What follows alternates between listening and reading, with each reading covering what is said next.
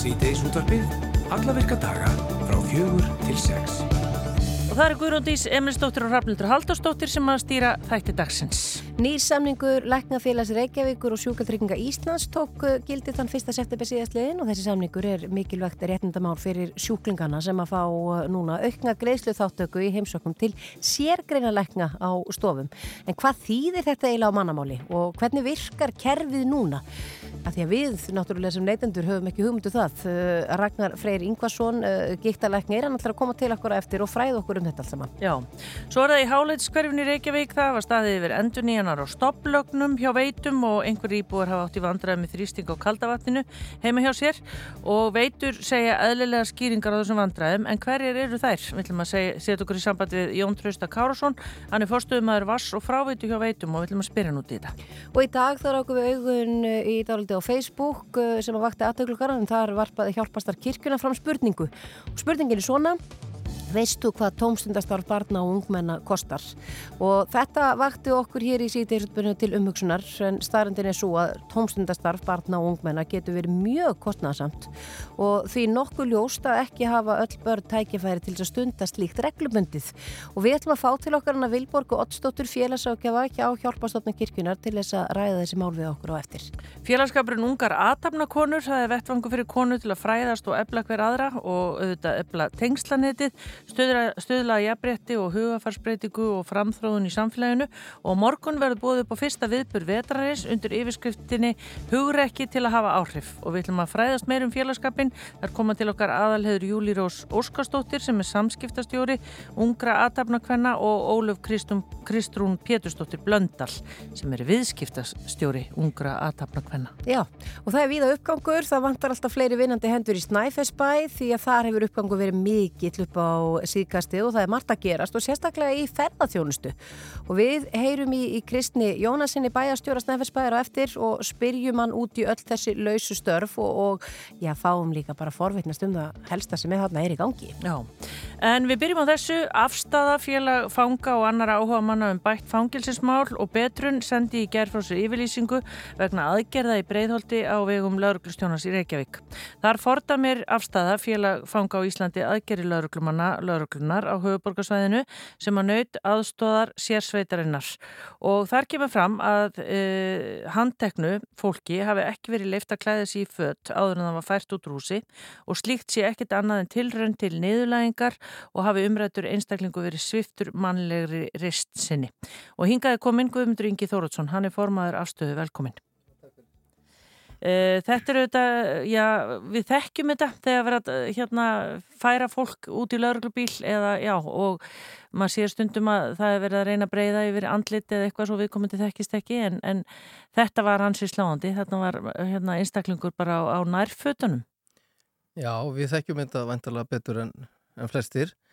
En þetta er kannski eitthvað sem við erum ekki samt vöna að sjá í dag eða svona sett kannski undafarið. Eh, við sjáum þetta kannski meira í bíómyndum og þetta er eitthvað sem við byggust bara ekki við að sjá aftur í raun og veru að, að svona meðferð. Já. Um, ég sá þetta auðvitað bara í, í fréttum eh, eins og aðrir og, og okkur brá við þetta og ákvaðum að kalla saman okkar ráðgjafa og fórum aðeins yfir þetta mál og og uh, sendum frá okkur uh, tilkynningu í kjölfarið þar sem við fórum dæmum slíkar aðferðir. Uh, en við erum ekki að leggja fram neina sérstaklega kvörtun eða kæru heldur bara ósku við eftir náttúrulega að, að vonum að yfirvöld taki þetta til skoðunar hjá sjálfum sér. Við sendum afriðt á, á, á hérna Ríkislauglustjóra og lauglustjónir Reykjavík og, og nefnd um eftirlit með lauglu og vonum að þau tæki þetta upp og það er auðvitað bara eitthvað sem ætti að gerast.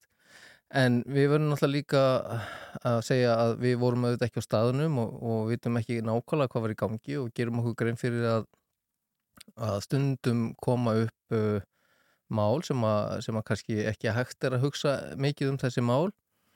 En um, þó ég sé algjörlega á móti svona myndbyrstingum í fjölmjölum uh, að þá segir þessi mynd töluvert samt líka, hún sínir mann ganga út rólega sagt, uh, með þessum lauruglumannum og, og hérna uh, þannig að það segir mér að það hefði alveg, þess að það er búið að tryggja aðstæður og, og hérna ná ná tökum á ástandinu. Já, og, og það tekur nú ekki nema örfóar sekundur að henda yfir hann laki eða einhverju sem að virðist nú hafa verið gert við, við, við andlitið en, en ekki búkin og uh, þetta er, já, okkur brá við þetta og, og við erum alveg vissir að, að þetta er auðvitað, þetta er niðurlegandi fyrir fólk og, og hérna og þetta er það sem er kallað uh, svona vanvirðandi og ómannuleg meðferð.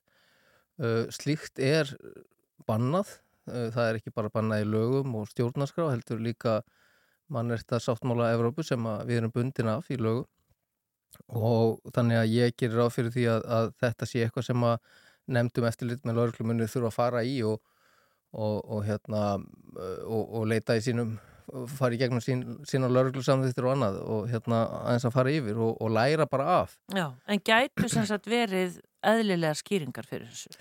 Um, já, það eru náttúrulega ekki komið fram en, en, en við erum náttúrulega, jújú, jú, það, það getur líka verið en, en ég samkvæmt myndinni og myndir, myndir segja oft mörg orð þannig að, þá get ég ekki séð uh, að það hafi verið neinn almanna hætta í gangi, það þarf að vera mikil almanna hætta til að, í raun og veru afsaka slíkt.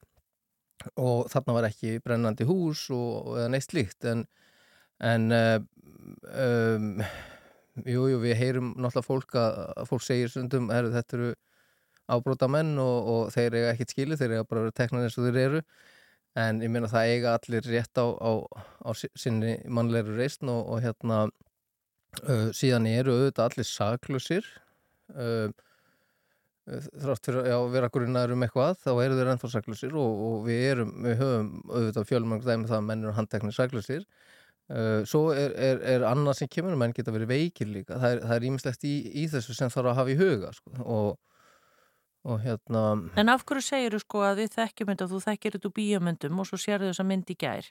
Eru við þarna einstæmi á Íslandi? Nei, ég þór ekki fullir af það sko en, en við höfum ekki verið að sjá þetta neinstar það sem við fylgjast nú mjög vel með og auðvitað sáum þetta hérna árum áður og vissulega en þetta er eitthvað sem við höfum bara ekki séð og verið að pæla reynilega í undanfarið. En við erum félag sem berjast fyrir mannréttindum og réttindum frelsisviftra einstaklinga og, og við gerum það fyrir alla það skiptir engum máli hver það er uh, og, og okkur ber skilda að benda á, á þessa, þessa hluti og taka þetta upp og, og ræða þetta Já. að það gerir það engin annar og hérna, þetta eru auðvitað hópur sem hefur fáa talsmenn Ertu, ertu björnsinn á að hafa einhverja afleðingar og að já, þetta gerist bara ekki aftur hér á landi?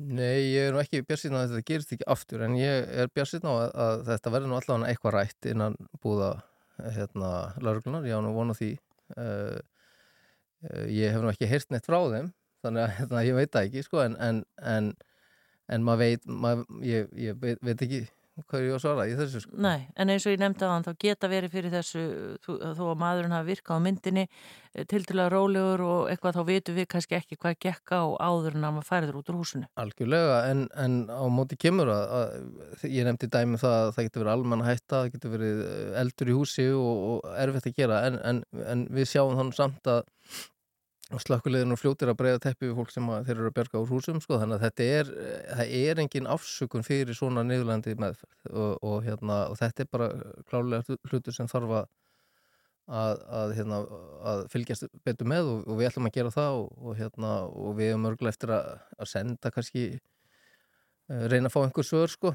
Já. Já, það var nú haft eftir þeim í, í gær lauruglunni, eða allavega lauruglufutræði meilir í rásungdelda að að líka vera á að lögurlega myndi senda frá sér tilkynningu vegna málsins hefur það, hefur, hefur það ekki borist hér? Nei, nei, við hefum ekki fengið neitt um það og, og, hérna, en við vonum að, að, að hérna, við fáum það og, og hérna og bara almenningur þetta og bara vera opið fyrir alla og allir að sjá þetta en, en, en ég, þetta er klálega eh, dæmi sem við þurfum að fordæma mm. og í raun og veru myndbyrstingar uh, hérna, fjölmjöla líka á svona málum sko. er, en, en við alltaf búum í þannig heimi að að það eru allir með myndavelar á lofti uh, og ekki bara lauruglan, heldur líka almenningur og, og hérna og það var sannlega þarna þannig að, að það þarf að, að fylgjast með þessu sérstaklega og, og hérna og passa upp á þessa hluti einmitt út af því líka sko. Já, þannig að lauruglan er kannski bara komin Já. meiri segja þá í það hlutverk Já, í- að í veru. venda viðkomandi Við erum ekki að tala um að, að, að, að, sko, að, að lauruglan eigi að, að bjóða þeim kaffi og kleinurringi. Þetta er bara verið að, að hugsa um uh, uh, að niðurlega ekki fólk og, og fólk fá að halda sinni reist. Um, uh, og við getum rétt uh, bara hugsað að sko ef að þetta væri til dæmis annað kyn, veist, hver, hvaða umræða fari í gangi þá, Mhm. skilur. Þannig að, að þetta er, þetta er hérna, mér finnst að vera að minna, það er svona meiri harka af því að þetta er kallmaður, skilur, að minna gert Já, þessu já, og Já. svona fólk svona almennt, eh, auðvitað hefur fólk sína skoðanir og fólk kannski skilur ekki uh, þessar hluti, skilur ekki hvernig, hvað, uh, hvað getur verið í gangi hjá fólki, veikindi og annað slíkt sko, en, en, en ég skil umræðuna. einmitt það. Það er allavega það sem að þið eh, gerið hjá afstöðu, þið hérna takið afstöðu með uh, þessu fólki sem kannski ekkit mjög margir eru eh, málsvarar fyrir. Já, ég meina við viljum bara að, að, eh, að allir fari eftir lögum og líka lögreglun og ríkislögreglustjóri að, að, og, og bara svona almenni lögreglum, að þeir þurfi líka að fara eftir lögum og reglum og mann er þetta sáttmálum og, og hérna, ég meina annars eru við hvert kom, komin. Guðmundur Ingi Þórótsson, formaður afstöðu, takk kærlega fyrir komuna í sítið þessu torpið. Takk, takk.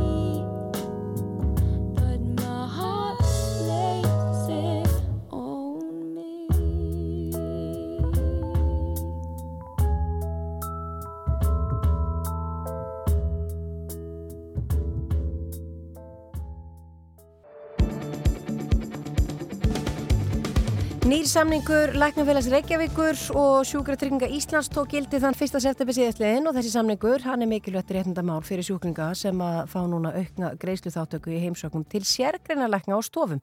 En hvað þýðir þetta eiginlega á mannamáli og, og hvernig virkar kerfið núna og við erum komið með hárétta mann til þess að svara því öllu saman. Hann heitir Ragnar Freyr Ingvarsson og hann er gíktalæknir og hann er einhver komið velkomin. Takk fyrir. Já, fyrir okkur sem að vitum ekkert í fyrsta lagi hvernig kerfið kannski virkaði áður og svo hvernig það virka núna getur við að farið aðeins í sauman á þessu. Það er bara alveg sjálfsagt. Sem sagt, uh, samningar á milli læknafélagsins og sjúkratrygging Íslands rann út í, núna fyrir næstu í fimm árum síðan.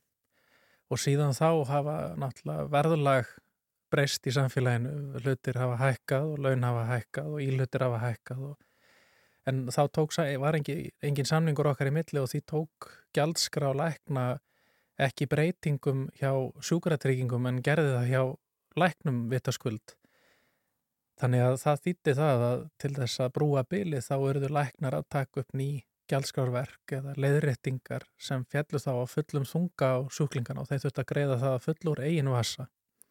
Og þannig má segja að greiðslu þáttöku kerfið sem er, má segja, undirstaðan í okkar e, sem að getum að segja velferðarkerfi hvað þú borgar þegar þú fer til læknis eða sjúkraþjálfar eða tannlæknis eða þegar þú kaupir liv þá gildi það ekki nema hluta. Og það var náttúrulega gríðarlega alvarlegt mál og lagðist náttúrulega þingsta þá sem hafa minnst á milli handana þá sem eru í, þá með lálaun eða eru búa við það að þykja örorkubætur. Og það gerir leiti það til þess að, að samkvæmt rannsóknum öryggjabandalarsins þá var fólk að neyta sér um læknistjónustu sem er gríðarlega alvarlegt mál. Þannig að við höfum núna síðustu, getum við sagt, halva árið róið bara öllum árum að því að ná samningum við sjúkratryggingar og það tókst núna í sömar og samningurinn tók gildi 1. september sem þýtti það að um leið og samningurinn tók gildi þá breytist svo kallar einingaverð til lækna sem þýði það að mikið af gjöldum sem þá voru utan kerfis eru núna innan sem þýði það að greiðslu þáttöku kerfi, það virkar miklu betur í dag. Það er þó ekki allir björnin unnin, við eigum ennþá eftir að uppfæra gjaldskrár. Þetta er gríðarlega mikil vinna, þetta eru 26 sérgrinnur og, það sem við höfum ekki samið í næstu heilan áratug, þá er, maður getur maður sagt, mikið eftir sem við eigum eftir að vinna. En er allur hópurinn þarna inni? Það er alveg sama við hvað að sérgrein viðkomandi lækni starfar? Já, sko nær allir hafa skráð sinna samning. Það eru náttúrulega sömur sem er, eru ennþá fyrir utan og það voru kannski eftir að leiðrétta hluti hjá þeim og það er náttúrulega mín einlega vona við náum þá að laga gjaldskrár þessara lækna þannig að sjúklingar þeirra njóti sjúkratryggingar. Hvaða læknar eru það, til dæmis? Já, sko... Eða hverskins? Já, eftir því sem ég vissi fyrir helgi þá var einstakka bæklunlæknir, einstakka lítalæknir og einstakka taugalæknir sem var fyrir utan Uh, og það bara vegna þess að aftur að leiðrætta ákvæmlega hluti það, ég veit að það eru 354, eða fyrir 352 lækna núna komnir inn á samningin meira og minna all, all flóran mm. og við stefnum náttúrulega á það að ná öllum inn og leiðrætta gjaldskrár lækna þannig að sjúklingar njóti greiðstu þáttöku að til bara fullnustu. Það Já. er bara gríðalegt rétt enda mál. Og hvað þýðir þetta þá fyrir sjúklingin? Þannig að hvað má hann þá reikna með að þurfa að borga háar upphæðir áður en þetta greiðslu þáttöku kerfi fyrir að uh, grípa inn í? Já sko, greiðslu þáttöku kerfi okkar íslendinga er ansi flókið tryggingamál. Það, það er ekki auðskilið fyrirbæri. Það maður getur sagt svona heldina yfir þá á einstaklingur semst, sem, semst, sem er með full, semst, á ekki greiða meira en um það byrja 80.000 krónur á ári. Og það er, á, það er ákveðið með reglugjær sem kemur út um áramót þannig að sjúklingur á helst ekki að greiða meira en 31.150 krónur eh, á einum mánuði og þá, þá er hann komin upp í nullið og allt sem er eftir það þarf hann ekki að greiða fyrir Svo er ákveðin reikniregla sem er ákveðlega torskilin en næsta mánuð þá greiður held ég 5.195 í tvo mánuði, svo ekki neitt í fjóra og svo ertu komin aftur upp í 31.150 og svo en yfir heilt ár þá er þetta cirka 80.000 krónur sem þú þarfst að greiða. En, en þannig, að, þannig að núna reiknast þetta allt með. Mm -hmm. Þannig að það er læknis, læknis og þessi fólk veit til í dag og það er kannski að borga fyrir fyrstu heimsók kannski 20-25.000 krónur eitthvað svo leiðis en svo kannski þarf að fara í segulómskoðan eða blóðpröfur og þá, þá byrjar það að telja þar. Já. og öryrkjar sem betur fer þurfa að greiða minna um 21.000 krónur minni mig hafði hámarki á mánuði og held ég 40 og eitthvað þúsund á ári. Ég, ég, ég man ekki nákvæmlega tölun, hún breytist um áramótin Mm og mun aftur breytast um áramótin En áður sko, maður hefur alveg upplifað að það sé svona mismunandi hvað fólk hefur verið að borga, bara hjá mismunandi læknum og svona.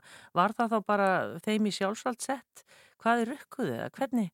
ég sko bæði já og nei sem sagt, í, í gildi var ákveðin endur greiðslu reglugerð þetta er eins flókið og hægt er að hafa það.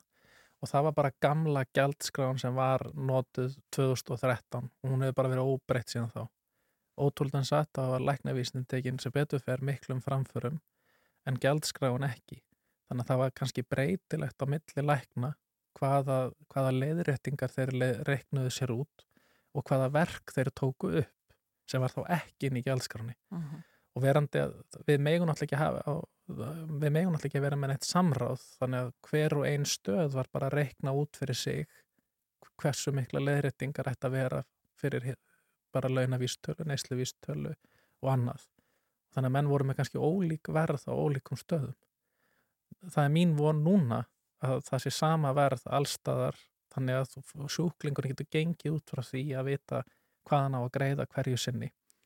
En það er samt eins og með allt í svona kerfum, það er aldrei snúið það er, það er hægt að leið fletta þessu upp með að fara í réttinda gáttina sína á sjúkra.is og skrá sinn með rafrænum skilríkjum þá sérðu hvað átt að greiða fyrir næstu hvað, hvað mikið átt með það greiðslu þátt ekki í livjónum þínum, átt mikið í læknis heimsóknum, sjúkraþjálfum og tannlækningum og viðlíka og sérðu yfirleitt yfir réttastöðina. Vá, Megum við ekki vera aðeins meðvitaðar einmitt sem sjúklingar og ef að þetta er komið inn núna og maður er kannski búin að þurfa að fara til eins sérgrænilegnir og borga til þetta háa uppæð, væri þá ekki klókt fyrir mann sem sjúklingar reyna að drífa næstu sérgrænilegnis heimsókn af ef maður þyrft að leita til annars Já, sem fyrst til já. að geta nýtt greiðsluþáttöku Jú, jú, ef, ef þú átt erindi, ég er ekki að hvetja fólk til að fara að óþörfu til læknis. Nei, að hoppa milli legna. Nei, nei, alls ekki, en, en náttúrulega ef það er þannig að maður á erindi eh, til, til annara sérgrunalegna þá náttúrulega er frekar klókt að reyna að rekna þetta út það segja eins og svo, maður eigi að, er, eigi að fara í ristilspeiklun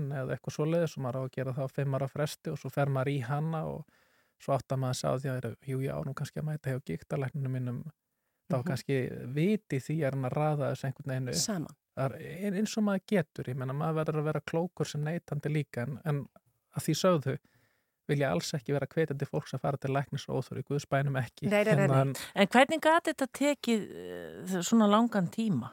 Hva, hverju er það, er bara, þetta velkist einhvern veginn áfram og, og líða, hvað það eru, fimm ár? Fimm ár. Já, og þeir eru búin að berjast fyrir þessu, það ekki? Já, já, við, lengst af vorum við náttúrulega bara ósamála. Já, Við vorum bara ósamála um það hvað hlutin er ætti að kosta, hvað á að veita mikla þjónustu, hvernig á að tryggja nýliðun, lækna þar að segja þannig að við séum með lækna til þess að sjá alla sjúklingana. Og svo bara getum við sagt að nýr ráð þeirra komið nýjan andblæðin í þetta og, og við bara töluðum mjög lengi saman við sjúkratringar og við nýjan forstjóra þar. Og það verður bara að segjast að við gáttum bara talað okkur niður á sameinlega niðurstöðu. Og, og það er náttúrulega bara gríðarlega ánægjulegt að, að, að semja við fólk sem vill semja við mann og, og, og, og heyra það að það sé hlustað á mann. Og á sama skapi þegar maður heyra á sig að sé hlustað þá hlustar mann nú líka gætnan tilbaka. Mm og það var fullt af hlutum sem við gátum bara eftir mjög löng samtöl verið sammála um að svona ætluðum við að halda áfram. Og það er, það er gríðarlega ánægulegt Sérst, ég hefði nú ekki skrifað endan samning nema að ég hefði verið ánægð með hann. En inn í þessum samningi er, er semst, þetta er svona svo kallega kvikur samningur sem þýðir það að hann þroskast og þróast á samningstímanum. Og þannig að nýjung við eigum auðveldari leið með að taka upp nýjungar þannig að það er ákveð verkfæri inn í samningnum til þess. Samningurinn vex með fólksfjölgun það er ótrúlega satt nýlunda hvernig, hvað þýðir það? Já, samningurinn stækkar með hverju árunu Já. með, með vaksandi fólksfjölda Og ég búið að fjölda, já. Já, að, en það hefur ekki verið þannig áður Já, það er ótrúlegt. Já, já, en ég menna, ég skil svo sem vel ríkið líka, þegar ríkinu ber náttúrulega nota peningana sem eh, við borgum í skatta eins vel og hægt er. þannig að ríkið reynir náttúrulega að reyna að stilla af hversu mikið það veri í hvaða málaflokk Það verður að halda í veskið. Já, já, og það verður að sína ráðdeild eh, þegar maður fer með skattféð okkar og ég er bara eindregin stuðningsmæður þess að það sé vel farið með peningana. En við gáttum bara verið sammála um það að, að sammælst um það að þjónusta sérgrannalækna, hún er sko ótrúlega mikilvæg. Hún er mjög umfangsmikil, hún er miklu starri en þið haldið. Hún er, semst þetta eru 500.000 læknis heimsóknar á ári, við sjáum 270.000 manns á ári. Þetta er ótrúlega mikið, mikið af heimsóknum. Þetta er ekki bara heimsóknir, þetta eru líka inngrip og rannsóknir og aðgerðir og speiklanir. Þetta er gríðarlega mikil þjónusta.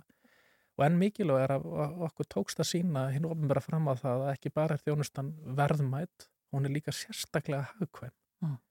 Og fyrir fólk bara að vera meðvitaður það er inn á sjúkra.is. Það er Já. mjög gott og bara holdt fyrir okkur öll að kíkja þar inn. Fletta sér þar upp, ég held það. Það skiptir bara miklu máli að vita hver maður stendur, hvað réttindi manns eru og svo skiptir náttúrulega miklu máli að, að núna geta sjúklingar í auknum mæli leita til læknis og það er gríðarlega mikilvægt réttindamál fyrir sjúklingan okkar og gríðarlega mikilvægt að fólk fari sem er semst með langvinna sjúkdóma eða kannski flókinni livja með fyrir að það sé í reglubundu eftirliti. Þannig að hlutinir fara ekki úr böndunum og fólk endi kannski á bráðamóttökunni þegar í óefni er komið. Já. Þannig að það er okkar von núna að fólk sem áður hefur neita sér um þjónustu okkar komi til okkar aftur og komi reglubundi eftir það skiptir ofbáslega máli að haldi sér vel á hlutunum. Já, og svo hljótu við líka að vilja hafa hér sem flesta sérgreina lækna og sem, á þessum breyðustum skilningi til þess að hafa hér vel menta og, og gott fólk sem getur aðstofa okkur. Já, ég er alveg sammála því. Uh, Ragnar Freyr Ingvarsson, uh, geitalæknir, takk fyrir að koma til okkar í síðdeistum. Mín er ánægðin.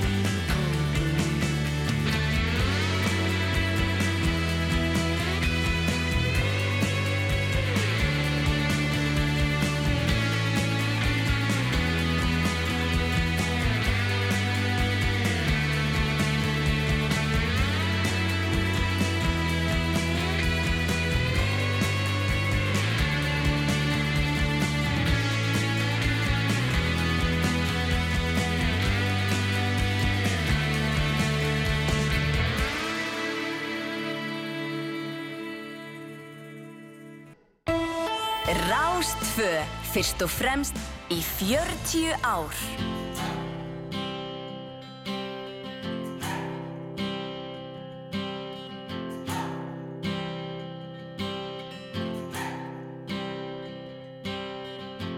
I've been trying to do it right. I've been living a lonely life. I've been sleeping here instead. I've been sleeping in my bed.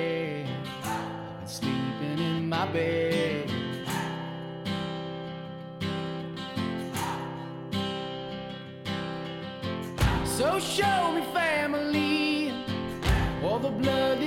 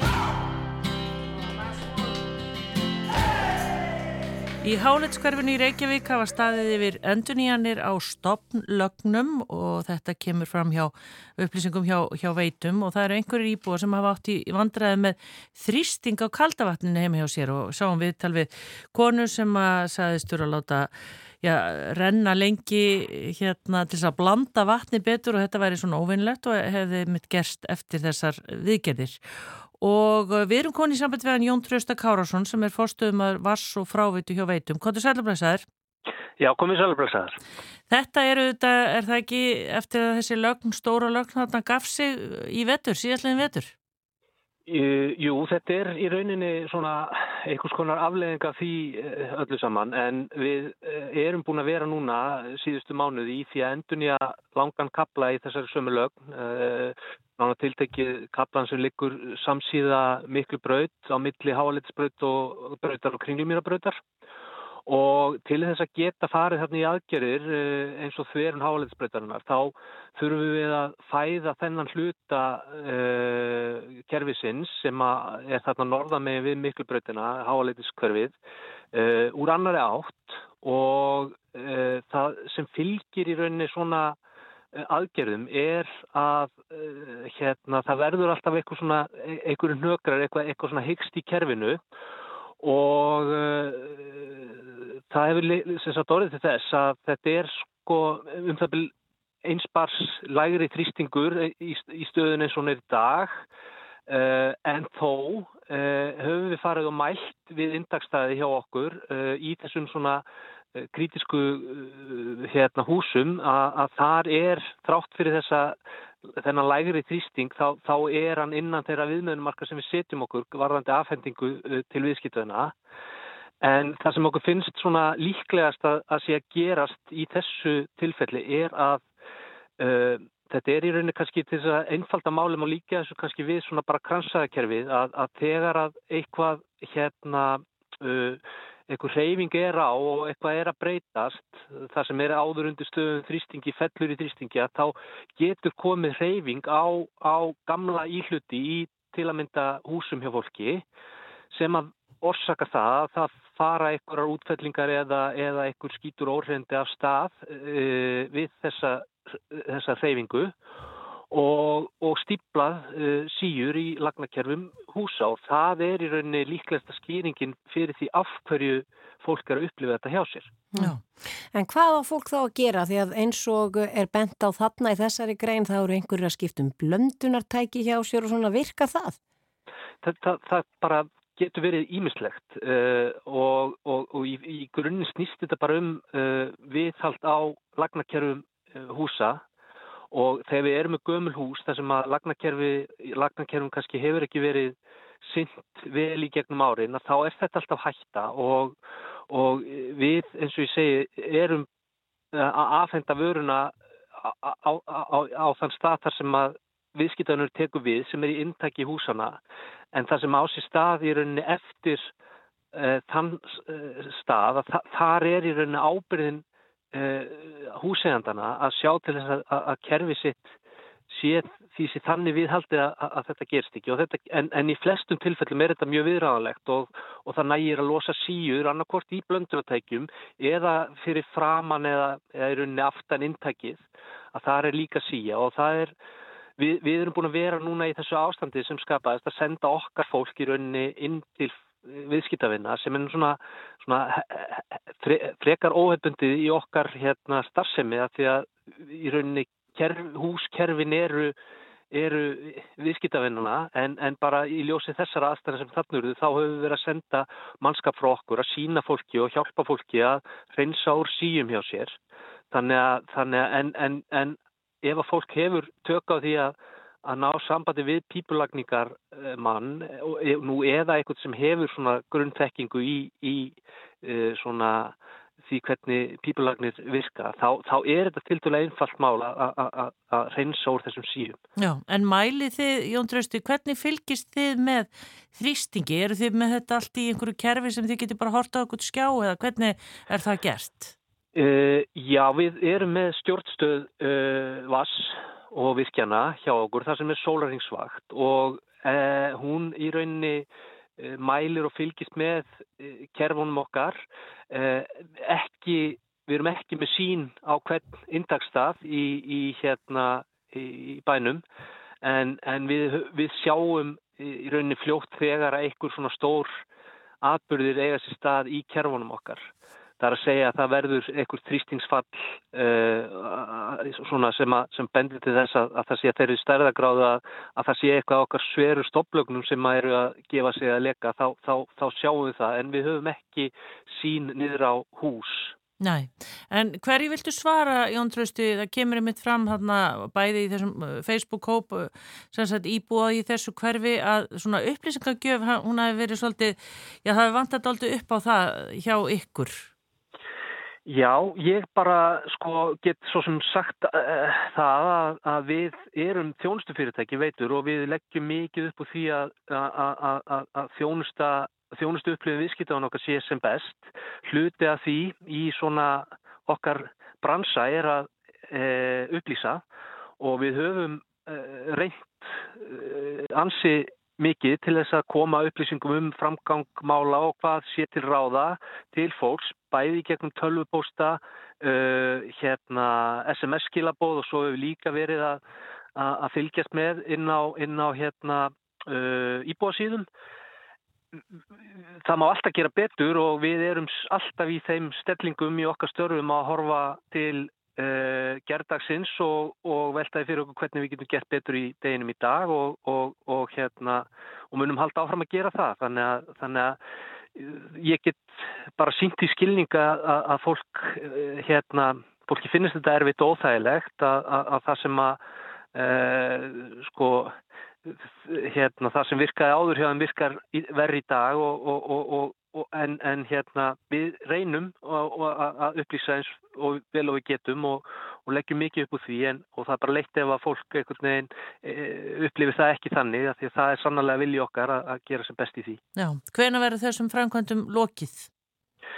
Uh, ég býst við að þetta sko lögnin sem var áður hérna í rekstri uh, og, og er hérna að það verður hleyft á hana bara á næstu dögum uh, við það eftir þessi uh, þrýstingur að, að aukast en það er samt ekki sjálfgefið að fólk sem hefur upplifað þrýstingsleysi uh, fái bót meina sinna við það að við tengjum þessi nýju lögn með, með, með þeim þrýstingi sem áður var vegna þess að mögulega getur eitthvað verið stíplað inn í húskerunum hjá fólki. Einmitt það, Jón Trausti Kárásson, fórstuðum með vass og fráitu hjá veitum, heldur þetta komi ekki allt með kalda vatninu? Ég er full að trúa að þetta komi allt með kalda vatninu Já. og verði bara gott til langframa. Þetta er svona rafnildur slæri um sig bara með brandara í restina, það er nú gott Já, mál. Takk fyrir spjalli Jón Trausti. Takk ykkur sem leiðis. Já, bless, bless. Já, bless. Síðdeis útvarpið alla virka daga frá fjögur til sex.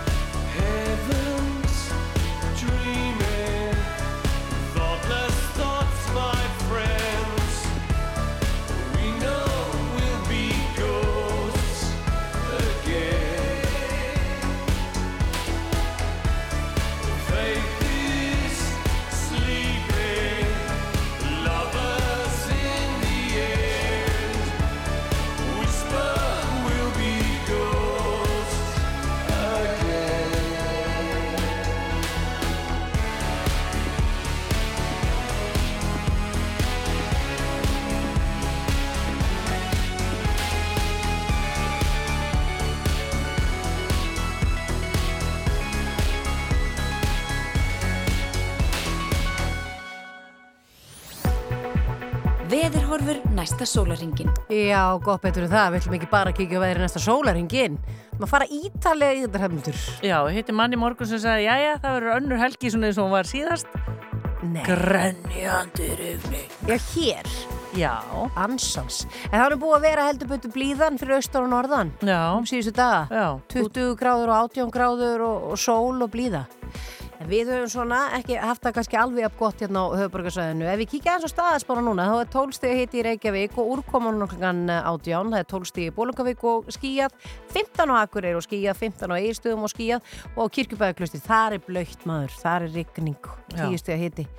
Það er minkandi sunnanátt 3 til 8 í kvöld, áldi rigning eða súld en samfeld rigning sunnan lands allvíða á landinu seint uh, í kvöld. Já, einmitt. Og svo er líka bara fremur hæg vestlega eða breytilega átt á morgun, dregur úr rigningu fyrir partinn, fyrst vestantil og dálítil væta í flestur landslutum síðdeis, vaksandi sunnanátt annarkvöld og það fer að rigna, sunnan og vestan á tabi. Oh. Það fer að rigna. Og hiti verður 8 til 16 stig og það er hlýjast norðaustaland eins og það hefur verið og er of snemt að fara að kíkja eins og helga verið. Nei, ég held um til dæmis að það byrji sko eitthvað réttir um helgina. Já, það lítur að vera. Það er orðið það liðið á september. Já, sjötti. Ah, já, já. Föstu dagurinn, Akureyri, 13 steg hitti og sól og 15 steg hitti á eigilstöðum og sól á meðan að hérna eru svona ekkert veður, 10 gráður og, og uh, skíð og uh, aðeins rigning fyrir vestan. Lögadagurinn, það kemur stóri dómur maður. Ég er bara stressuð. Ég held ég neyri maðan, sko, bara, já. Reykjavík, uh, 9 gráður, rigning og 6 metrar á sekundu. Það er þó ekki það hvast að sé verið að rústa rósarunnum eins og gerist í mér um helgina. Það er bara, bara föðga allt. Já.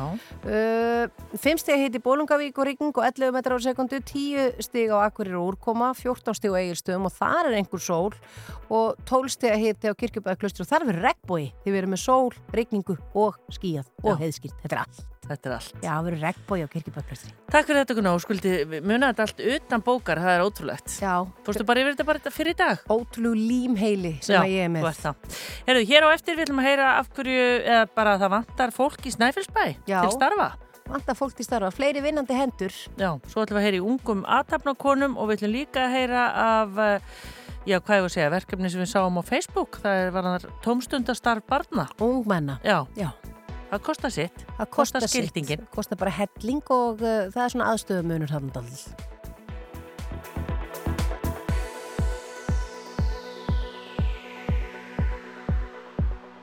Rástvö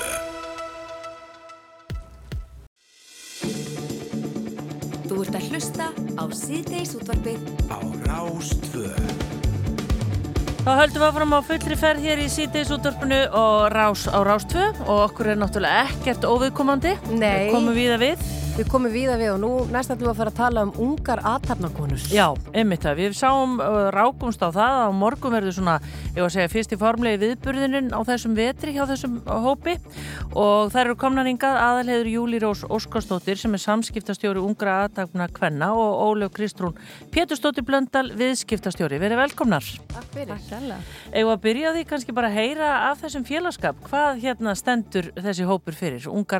að Já, við í rauninni bara stöndum fyrir, um, við erum sérst, með viðburði og erum hérna, hvað ég segja, Við erum svona búa til í rauninni bara vettvang fyrir eh, konur, bara hérna, unga konur, ungar aðtanakonur til að eh, tengjast og fræðast og efla hver aðra og hérna, já, í rauninni bara hver viðbyrju hjá okkur er oftast með einhverju þema og fáum ótrúlega flottar konur úr atvinnulífinu sem hafa verið að gera góð hluti til að bara í rauninni miðla af sinni reynslu og En hvað þarf maður að, til þess að komast í hópin, ung aðtapnakona? Hvað, Já, góð spurning. Já. það er rauninni bara svo lengi sem þú finnur í félaginu, þá bara áttu heima hjá okkur, sko. Við erum í rauninni á öllum aldri og bara, hérna... Ég þarf ekki að vera, sko, fórstjóri í ykkur fyrirtæki eða neitt nei, slíkt. ekkert, hérna, í rauninni engar skilgreiningar á neinu sem þú þarfst að vera að gera og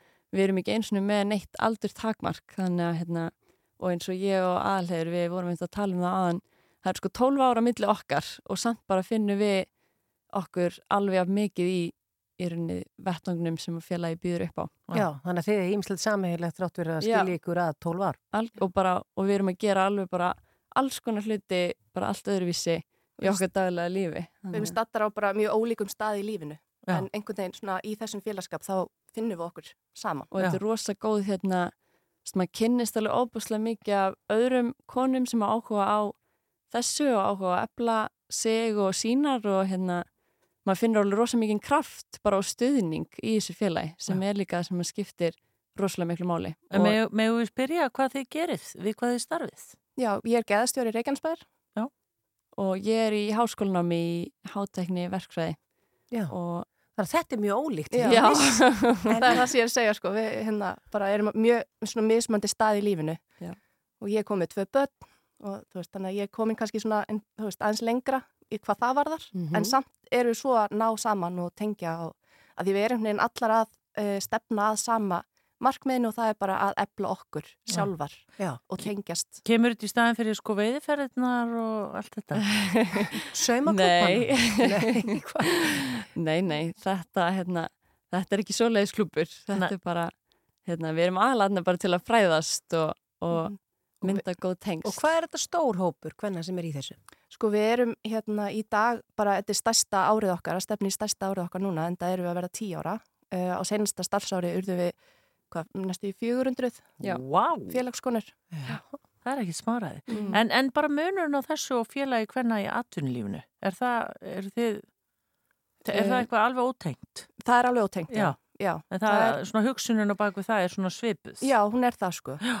Uh, FKA er það er stærra, það eru fleiri deildir, við erum ekki með hérna, neina deild hjá okkur, við erum bara svona ein heild. Já. Mhm. Um, ég held að það sé kannski svona eini munurinn, Já. annars erum við bara að stefna, stefna að sama markmiðinu. Já, bara áfram konur. Já. Já, Og eru ungar aðtatnakonur líka út á landi? Er þeim gert kleift að sækja viðbyrðu og svona hjá ykkur? Sko, allir viðbyrður okkar eru hérna á höfurborgarsvæðinu, allavega hefur það verið hinga til, en auðvitað eru bara allar og öll velkomin sem vilja koma á við viðbyrðinu okkur. hvetjum bara fólk, uh, ég bara já, alla utan landi bara ef þau geta sjá sér fært að koma á höfuborgarsvæði þá er það mjög velkomið að mæta viðbyrði. Já. En að þessum viðbyrði sem að þeir eru að byrja á, hva, hvað er það að fara að taka fyrir þarna? Og morgun. Já, á morgun, hann sem sagt uh, heitið á viðbyrðinum kemur frá nýri bók, hennar Höllu Tómasdóttir, hugur ekki til að hafa áhrif og hún verði heiðiskestur hjá okkur en hún hérna uh, Já, viðburðurinn er á, B-Team. já, hún starfar hjá B-Team og viðburðurinn er á morgun í grósku eh, klukkan hálf átta og já, eh, hús opna klukkan hálf átta og viðburðurinn sjálfur byrju klukkan átta. Og þar verða Halla Tómasdóttir og Eva Mattadóttir.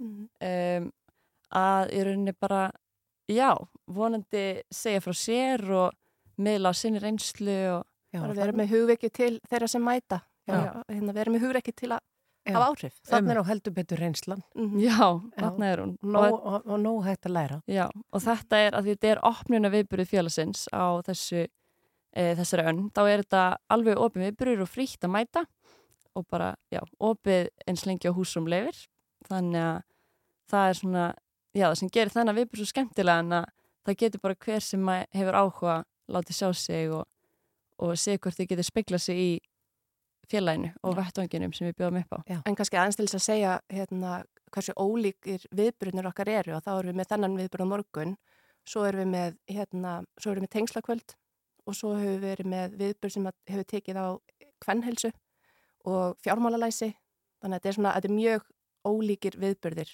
og hérna, allt bara veist, til þess að efla okkur. Já. Og hvar geta konur gengið í félagið? Inn á heimasíðun okkar, uak.is. Og, það er, og eins og þið segið, það er engin aldurstakmörk og ekkert svo leiðis. Nei, og bara látt félagsgjöld. Já. Með að við fjölda viðburða og, og, og gæðin. Já, og líka bara allar þessar frábæru konur sem þú heitir. Já, fyrir Já. það. Frábært. Halv átta á morgun í grósku og fyrir þá sem er að heyra þetta núna og, og langar að pröfa, er þá bara að mæta eða? Já. Já. Á, það er ekki hverjum til að fara að frían alla. viðburð bara Nei, nei. á 15. kvöldi. Já, og líka fara uppskriftina hugur ekki. Já. þetta, Já. ég held að þetta sé Þið mætið á morgun. Einmitt. Aðalhegur Júlín Rósa Óskarsdóttir, samskiptastjóri UAK og Óluf Kristrún eh, Pétursdóttir, Blöndal, viðskiptastjóri UAK. Takk fyrir komin og góða skemmtur og gangu vel á morgun. Takk fyrir. Rescue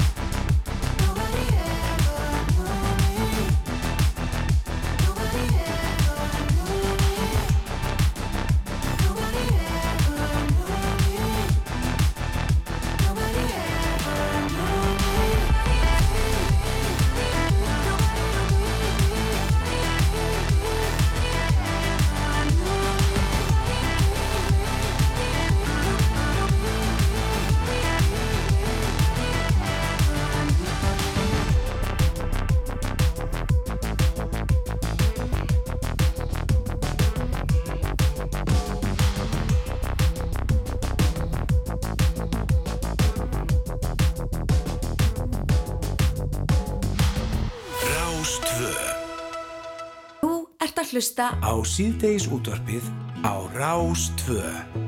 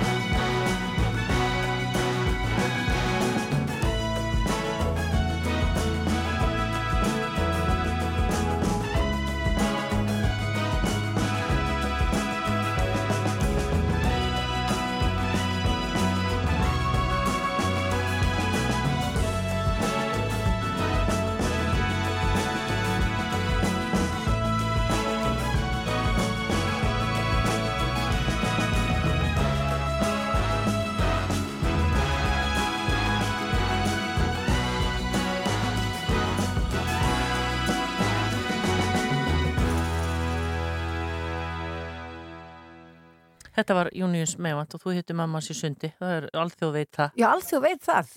Umgjars konan, allir vita það. um ferðir hennar í sund. Já. En í dag þar ákum við augunni í dálitið á Facebook sem að vakti aðteglokkar en þar varpaði hjálpast að kirkjunar fram spurningu. Og spurningi var svona. Veist þú hvað tómstundastarf barna og ungmenna kostar? Og þetta vakti okkur rafnildi hér til umhugsunar. Stærendin er svo að tómstundastarf barna og ungmenna getur verið mjög kostnæðasamt og það er því bara nokkuð ljóst að ekki hafa öll börn tækifæri til þess að stunda slíkt reglubundið og uh, hún er komin eitthvað til okkar, hún Vilborg Ottsdóttir félagsákjafi hjá hjálpastöndum kirkuna til þess að ræða þessi mál við okkur. Kondur sælublessuð. Já, sælar.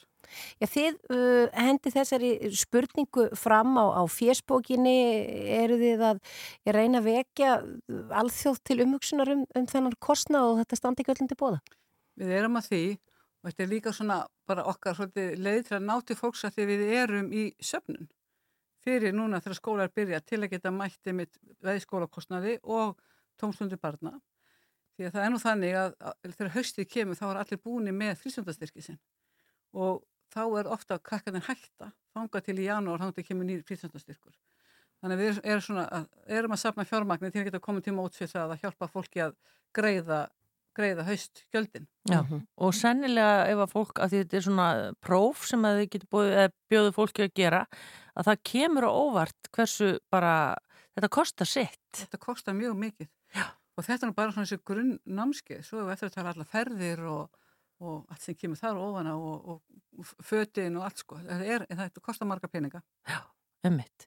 Þið hérna hafi náttúrulega verið að leggja áherslu á þetta eins og nefndir á þann að vera sapna fyrir skóla byrjun. Það hérna kostar líka sitt. Það kostar líka að byrja í skólanum, skólataskan og allt þetta. Já, já. Já, já, sem byrju fyrir aðeins breytingi því eftir að skólanir skaffa nú hérna, það sem þarf inn, inn í skólastofuna til að bækur annars líð. Námsgögnin. Námsgögnin. En jú, jú, það kostar skólataska og íþjóttafötin og einmitt íþjóttaskotnir og fókbátaskotnir og allt það. Þetta kostar mikla peninga. Og kuldafötin? Já, já, kuldagalarnir og allt þetta. Þetta er bara miklu peningar. Já, en hvernig er það eins og þín tilfinning? Eru margir aðna úti sem að myndu vilja geta bóði börnunum sínum það að fara í frístundir en, þurf, en þau geta það ekki? Það eru mjög margir sem ekki geta gert það sko, eins og ég segi það sem, að, sem ég finnst sko, það sem ég er að sjá er einmitt að, að börnum byrja í janúar í ykkuru en svo leið að fara að koma ferðir eh, og fyrsta ferðin er þannig að fóröldra er ekki til að greiðinni þá segja krakkarnir umrætt að vera í fókbólta í nennu þessu nú ekki. Staðan fyrir að segja að ég, ég hef ekki peninga ég kemst ekki með.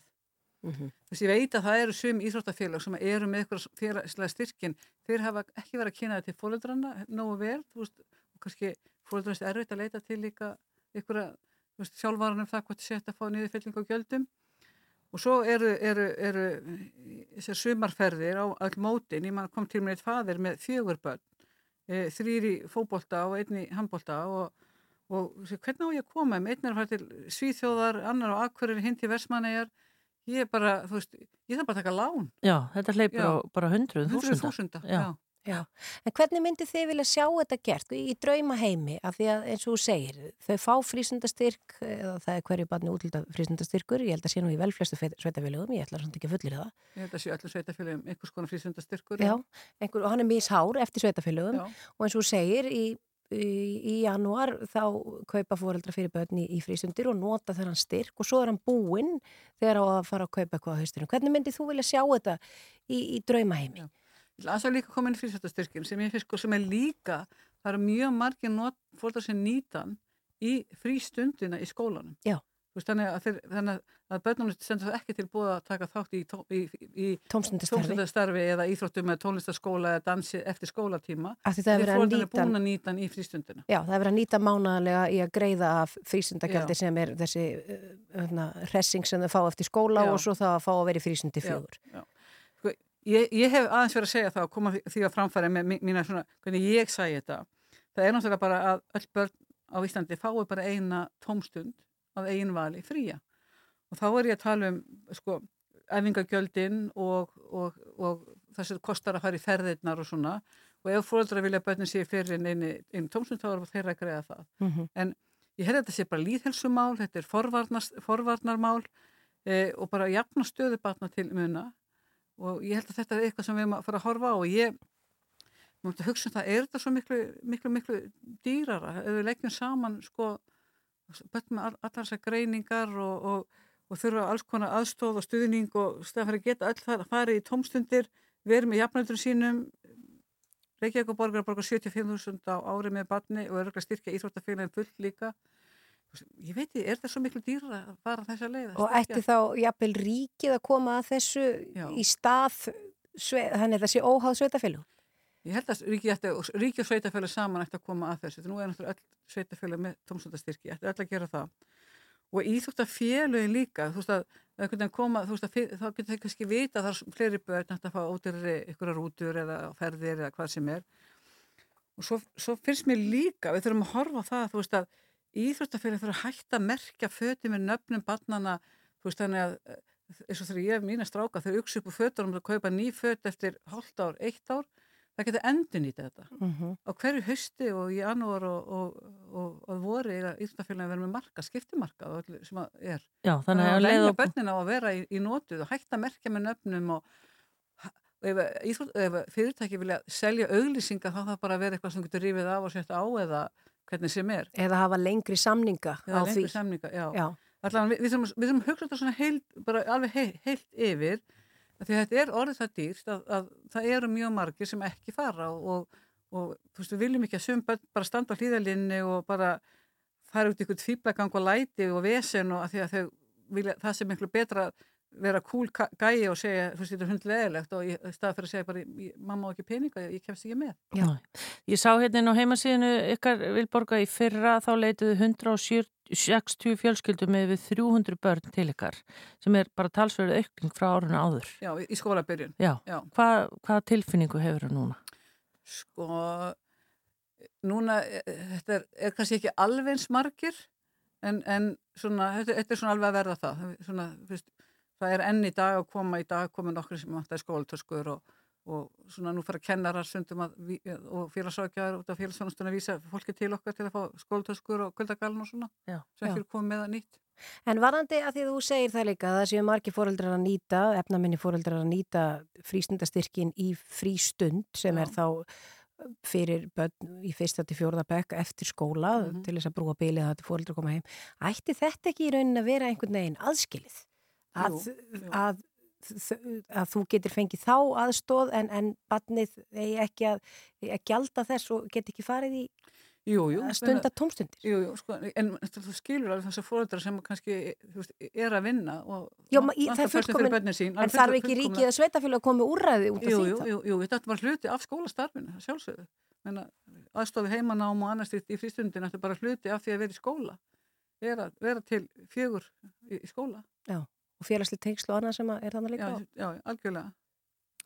Frábært við vekjum aðtöklu á þessari könnun, þessari söfnun, Já. uh, bara Vilborg rétt í lokin, endum alltaf þannig ef að fólk vil styrkja ykkur, hvernig gerir það það? Já, það er bara, það er inn á heimabanka hjá fólki núna ykkur greiðslusegl sem hægt er að greiða sem að fer í þetta fyrir skólabyrjun og tómstundir barna. Uh, já, þetta er þart og gott. Uh, Vilborg Ósatir, félagsverkefið hjá Hjálpastofn kirkjunar. Takk kærlega fyrir komuna í síti yrtbið. Já, já.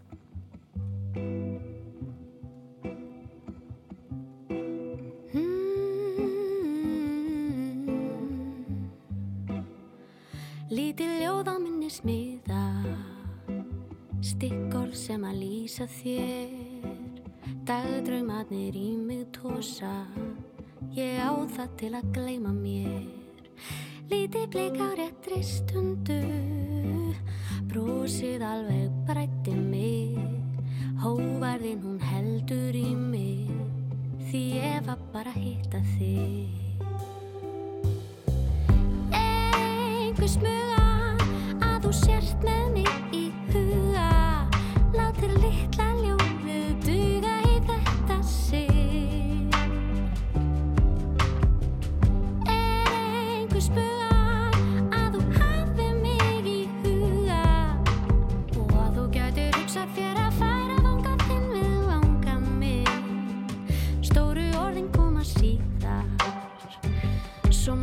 ég vil segja þér Draumórar og skýjaborgir.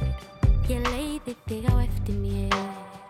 Stóru skrefin verða tekin. Bara ef ég þóri því. Hættar mín að munu finna líðin að handa. Ég er komin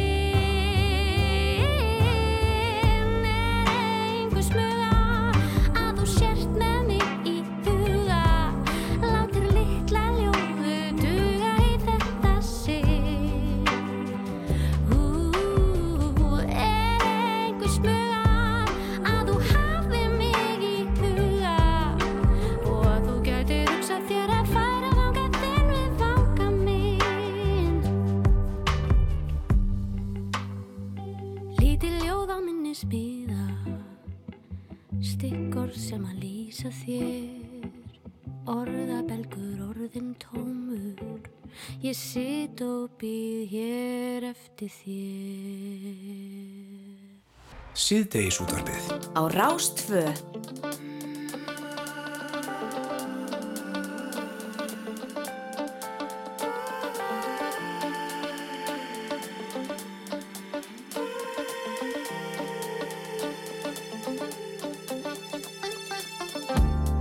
taktar, glænýtt kvöld Sami gangu lög frá síðustu öld og Andalusia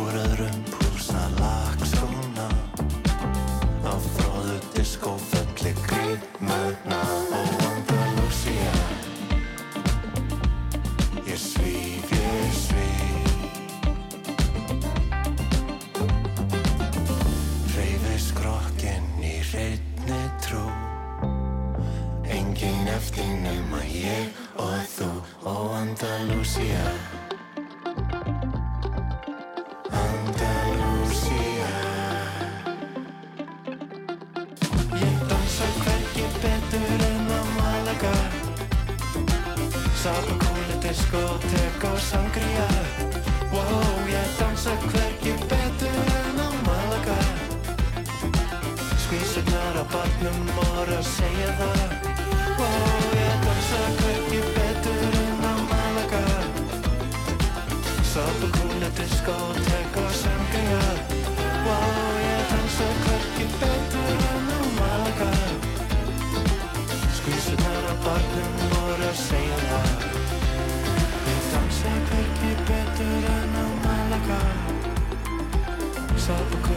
Kúla diskótek og sangria Wow, ég dansa hvergi betur en á Malaga Skvísa þarna barnum bara að segja það.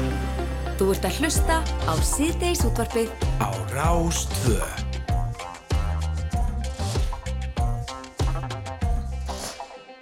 Er hell olíu á enn og neistar fjúka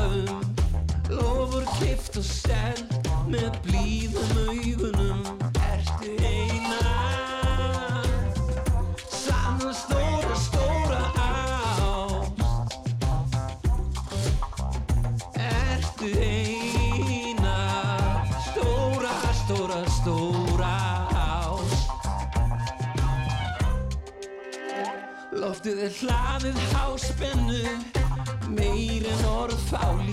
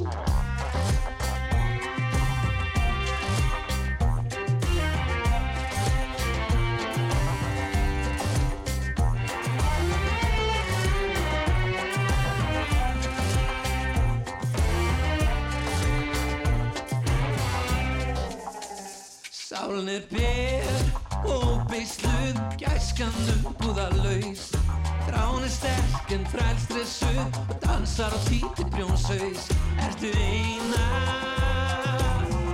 Sanna stóra, stóra ást Ertu eina Stóra, stóra, stóra ást Það er líf á istunu þar sem áinn verður foss Augnablikið er bara töf eftir sjóð heitum koss. Ertu eina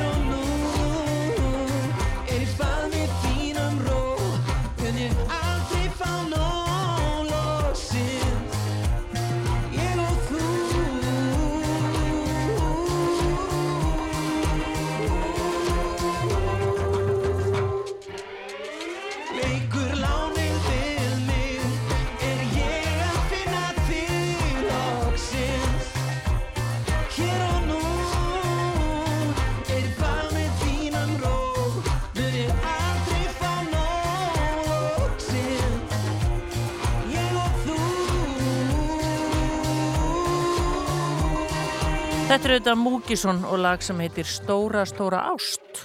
Við rákum augun í það að það vantar fleiri vinnandi hendur í Snæfisbæ þar sem að er mikill uppgangur og, og margt að gerast og þá sérstaklega í ferðaþjónustu og við erum komið með bæðastóra Snæfisbæjar á lína. Hann heitir Kristinn Jónasson, kontur sæl og blessaðu geti. Komið þið sæl. Já, hvað segð þú okkur? Er ekki nógu margir að vinna þarna? Vantar ykkur fleira fólk? Já, það er nú bara eins og held ég á Íslandi öllu og það vantar náttúrulega alltaf fólk í ferðarþjónustu, félagsþjónustuna og og bara allt sem við erum að- með yðnaðamenn, við getum haldið bara að telja upp. Það Já. er bara svo sem ánæ, ánægilegt verkefni að staðan skuli vera þessi en, en hún er bara svona. Og hvað hafið þið verið að auglýsa við það? Nei, við höfum nú ekki gert það þeir sem eru í sko ferðarþjónustinu sem við tökum það sem dæmi, þeir hafa náttúrulega auðlýsað eftir fólki og það gengum við sefla vel, það er náttúrulega uh, fá tölvört af fólki erlendis frá í, í ferðarþjónustuna bara eins og til dæmis okkur í sömar þá gáttu sömur sem voru að reyka veitingu og svona, þeir gáttu ekki verið mópið alveg eins og þeir vildu vegna að það var bara ekki nægum mannskapur. Og svo er eitt annar sem að hangir á sko, það er ekki nóg að kalla eftir fólki. Við verum líka eiga þá húsnaði til að hýsa fólki sko. Já, og Og það er hvernig, svona líka vandamál hjá okkur. já, hvernig leysið það? Já, það er nú gott að þessi spurt sko. Við erum hérna sveitafélagi samstæður við, við, fyrirtæki hérna á svæðinu. Við erum að núna bara að vonandi að fara að auðlýsa sex íbúið bara í þessu mánuð og næsta mánuði. Þannig að það losnar aðeins, þá kemur aðeins til viðbútar. Svo eru einstaklingar náttúrulega að byggja og þannig að það er svona, það bara dögur ekki til. Það er náttúrulega eftir því sem gerist eins og okkur eins og bara annars þar um landið að uh, þegar að ferðarhjómslan er alltaf að vaksa og þá kalla bara fleiri það að vera að byggja hótel eins og hótelbúðir sem við nefnum eitthvað dæmi. Það er náttúrulega fleira starfsfólk við það og það er þá þá húsnað fyrir það og svo framvegis og að en getur ekki að, við þurfum, fyrir fyrir nei, ég segi, getur ekki fólk búið sem sagt bara ef það segjum að það sé að vinna bara uh, til dæmis í Ólafsvík að búið eitthvað starf annar staðar, það þarf ekki endilega að búa á staðnum eða hvað? Nei, nei, snæfisnessi hjá okkur eru orðið eitt atvinnusvæði sem betur fer og, og bara eins og hjá okkur svitafélunum þá eru við að fá einað menn á öllu snæfisnessi til að vinna fyrir okkur. Það er bara frábært að það séast þannig, þetta er ekki varna þannig við eða lendir. Þannig að við erum eitt atvinnusvæði, en það er bara samt, þetta er ekki til, sko. Nei. En hvernig, Við þurfum meira. já, hvað eru margir ferðamenn, erlendir ferðamenn að koma á Snæfellsnesi á ári? Ertu með einhverja tölur af því? Því að einhver starf er þetta fólk að borða og, og það þarf að fara á klóið og það þarf að gera hitt og þetta og það þarf að sinna þessu. Sko, þegar við skoðum þetta, þá er náttúrulega allt miða við fyrir COVID, þá eru svona 900.000 manns að koma inn á Vesturland og um 6 til 800.000 inn, inn á Snæfellsnesi. Mm. Það er enga smá tölur. Nei, og það er náttúrulega sem að er, sko, við náttúrulega erum með þjóðgarð og þegar að hann var settur á stopp fyrir rúmum 20 árum, þá voru okkur sagt að þar sem þú stopnar þjóðgarð sem dæmi, það er aukningan á ferðamönnum alltaf 400% og það er reynslanum út um allan heim. Og ég verð nú að viðkynna, ég trúiði nú ekki þessum tölum, en þetta er náttúrulega, hjá okkur er þetta staðrindu hvort að það er sko orsök af því að það kom þjóðgarður eða, eða vegna eins og það var aukning á ferðamönnu bara almennt til Íslandskiliði. En það er náttúrulega inn á svæði þegar búin að, til dæmis eins og hjá okkur búin að stopna á þjóðgar, þá er það landsvæði sem hlýtur á eftirsókn að verða að koma og sjá. Og auðvitað er þetta hefur þetta allt áhrif, svo náttúrulega bara sem er svo því að hún heilt á umræðin í sumar og svo náttúrulega koma alveg gíflu fjöldi af skemmtiverðarskipum, þeim er alltaf að fjölga frá ári til árs og þá þarf að taka á móti því fólki líka þannig að þetta hefur svona markvældis áhrif á öllum stöðum. Já. Kristi, nú þú búin að vera já, ára fjöld í, í starfið þarna sem bæjastjóri. Eru þetta svona helstu áskoraninnar og er þetta ekki búið að breytast mjög mikið á þessum tíma sem þú hefur verið þarna bæjastjóri? Þetta er ein af áskorunum. Það eru margar áskorunum og þetta er náttúrulega breyst mjög mikið.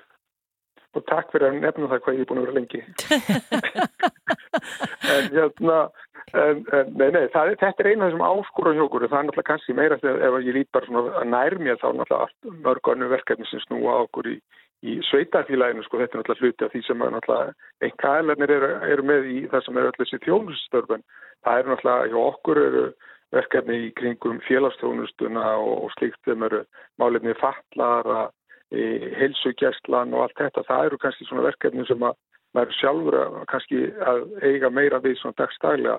En svo er náttúrulega líka eins og, eins og þú nefnir að auðvitað erum við líka með puttan og púlsinu varðandi ferðarins að við erum að byggja upp áfangastaði og við erum í markasetning á svæðinu og allt það. Þannig að þetta er, þetta er marg slungið. Já. Já, við bara, ég, ég veit ekki hvort þú vilt nota tækifærið og auglýs eftir fólki, það er náttúrulega erfitt eins og þú segir að þú kemur hverki fyrir.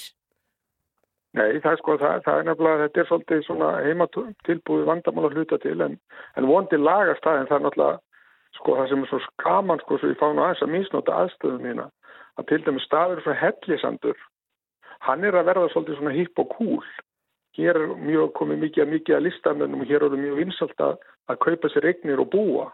Já. Hér að verða svona listamanna hérna, staður, hellisandur, sem er bara frábær. Já, fristiklefin á rifi, þetta er náttúrulega hlýtur að kalla Já, já, Kári, Kári er náttúrulega allt og hann er náttúrulega algjör prímus mótor og, og búin að draga til sín fullt af fólki og það er bara einhvern veginn þannig sem betur fyrir að við erum að fá alveg frábært fólkinga Já. og er að því að sko, að því að Gunnardís var að spyrja því sko hvað hef ég lært á þessum árum sem, sem bæjastjóri og það sem að ég hef lært og ég og vini mínir margir hlæja með því að segja þetta að sko hvað menning og listir skipta samfélag miklu máli.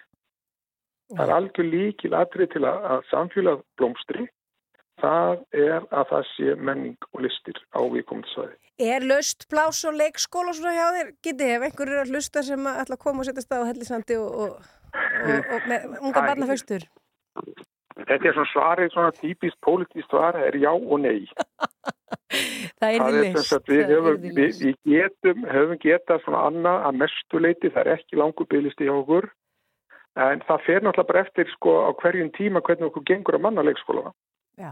En fram að þessu hefur það gengið alveg svona þokkalega, en það, en ég, ég myndi ekki lofa því alveg sko, ég er að ringi leikskólastjóran þannig að ég væri ekki að fara alveg með fleipur hvort það væri eitthvað lögst núna sko. Já, já, við ætlum ekki að fara of langt með það, við, fólk ringir bara og tjekkar á skrifstofunni, bæjarskrifstofunni eh, eftir, Já, já. eftir helgi eða í vikunni segi Herru Kristín Jónasson, bæjarstöður Snæfisbæðar, takk fyrir að vera á línni hjá okkur og gangi ykkur vel. Já, takk, takk.